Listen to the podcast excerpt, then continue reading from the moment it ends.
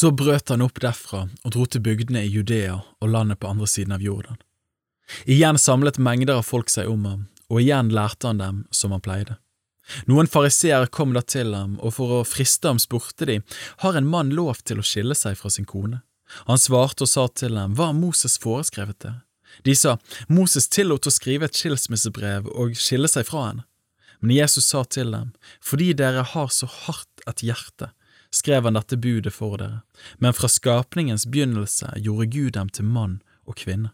Derfor skal mannen forlate sin far og sin mor og holde seg til sin hustru, og de to skal være ett skjød. Så er de da ikke lenger to, men ett skjød. Derfor, det som Gud har sammenføyd, det skal ikke et menneske skille. Da de var kommet inn i huset, spurte disiplene ham igjen om dette. Han sier til dem, den som skiller seg fra sin hustru og gifter seg med en annen, begår ekteskapsbrudd mot henne.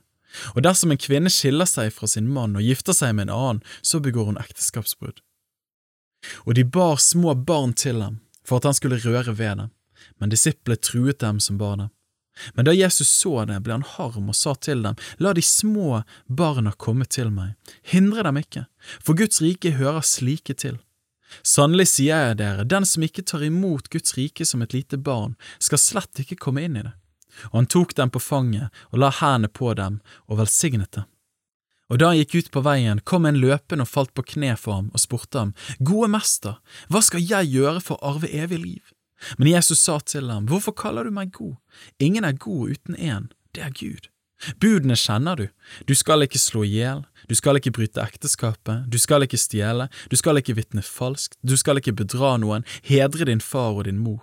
Han sa til ham, Mester, alt dette har jeg holdt fra jeg var ung. Da så Jesus på ham og fikk ham skjær og han sa til ham, En ting mangler du. Gå bort og selg alt du eier, og gi det til de fattige, så skal du få en skatt i himmelen. Kom så og følg meg.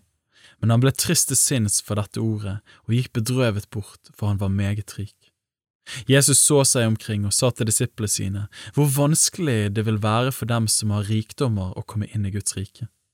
Disiplene ble forferdet over hans ord, men Jesus tok igjen til orde og sa, Barn, hvor vanskelig det er for dem som setter sin lit til sin rikdom å komme inn i Guds rike.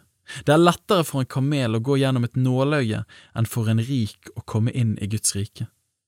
Da ble de enda mer forferdet og sa til hverandre, Hvem kan da bli frelst? Jesus så på dem og sa, For mennesker er det umulig, men ikke for Gud, for alt er mulig for Gud.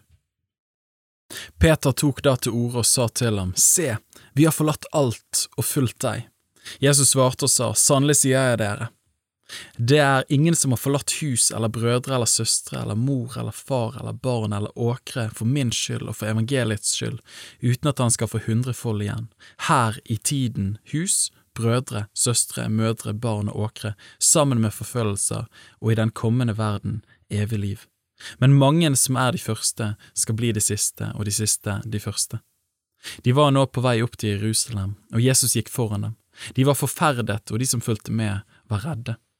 Han tok da igjen de tolv til side og begynte å tale til dem om det som skulle hende ham. Se, vi drar opp til Jerusalem, og menneskesønnen skal overgis til yppersteprestene og de skriftlærde. De skal dømme ham til døden og overgi ham til hedningene, og de skal håne ham og spytte på ham, hudstryke ham og slå ham i hjel og etter tre dager skal han stå opp.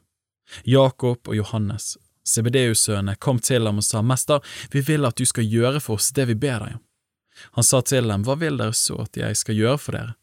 De sa til ham, Gi oss at den ene av oss må sitte ved din høyre og den andre ved din venstre side i din herlighet. Men Jesus sa til dem, Dere vet ikke hva dere ber om. Kan dere drikke det begeret jeg drikker, eller døpes med den dåpen jeg blir døpt med? De sa til ham, Det kan vi. Men Jesus sa til dem, Det begeret jeg drikker, skal dere få drikke, og den dåpen jeg døpes med, skal dere bli døpt med. Men å sitte ved min høyre eller venstre side, det står ikke til meg å gi, men det gis til dem det er beredt for. Da de ti hørte dette, ble de harme på Jakob og Johannes.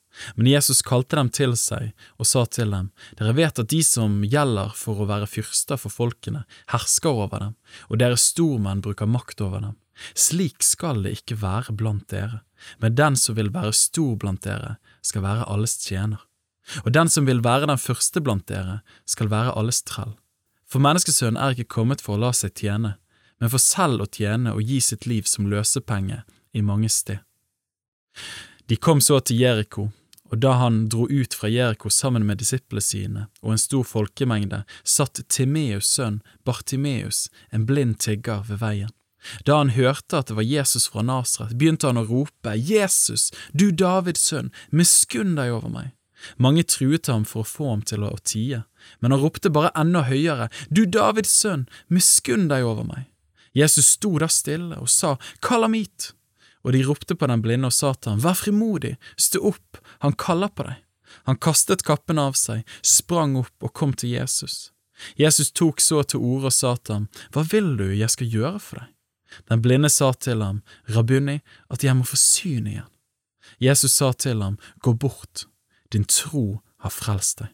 Og straks fikk han syn igjen og fulgte ham på veien.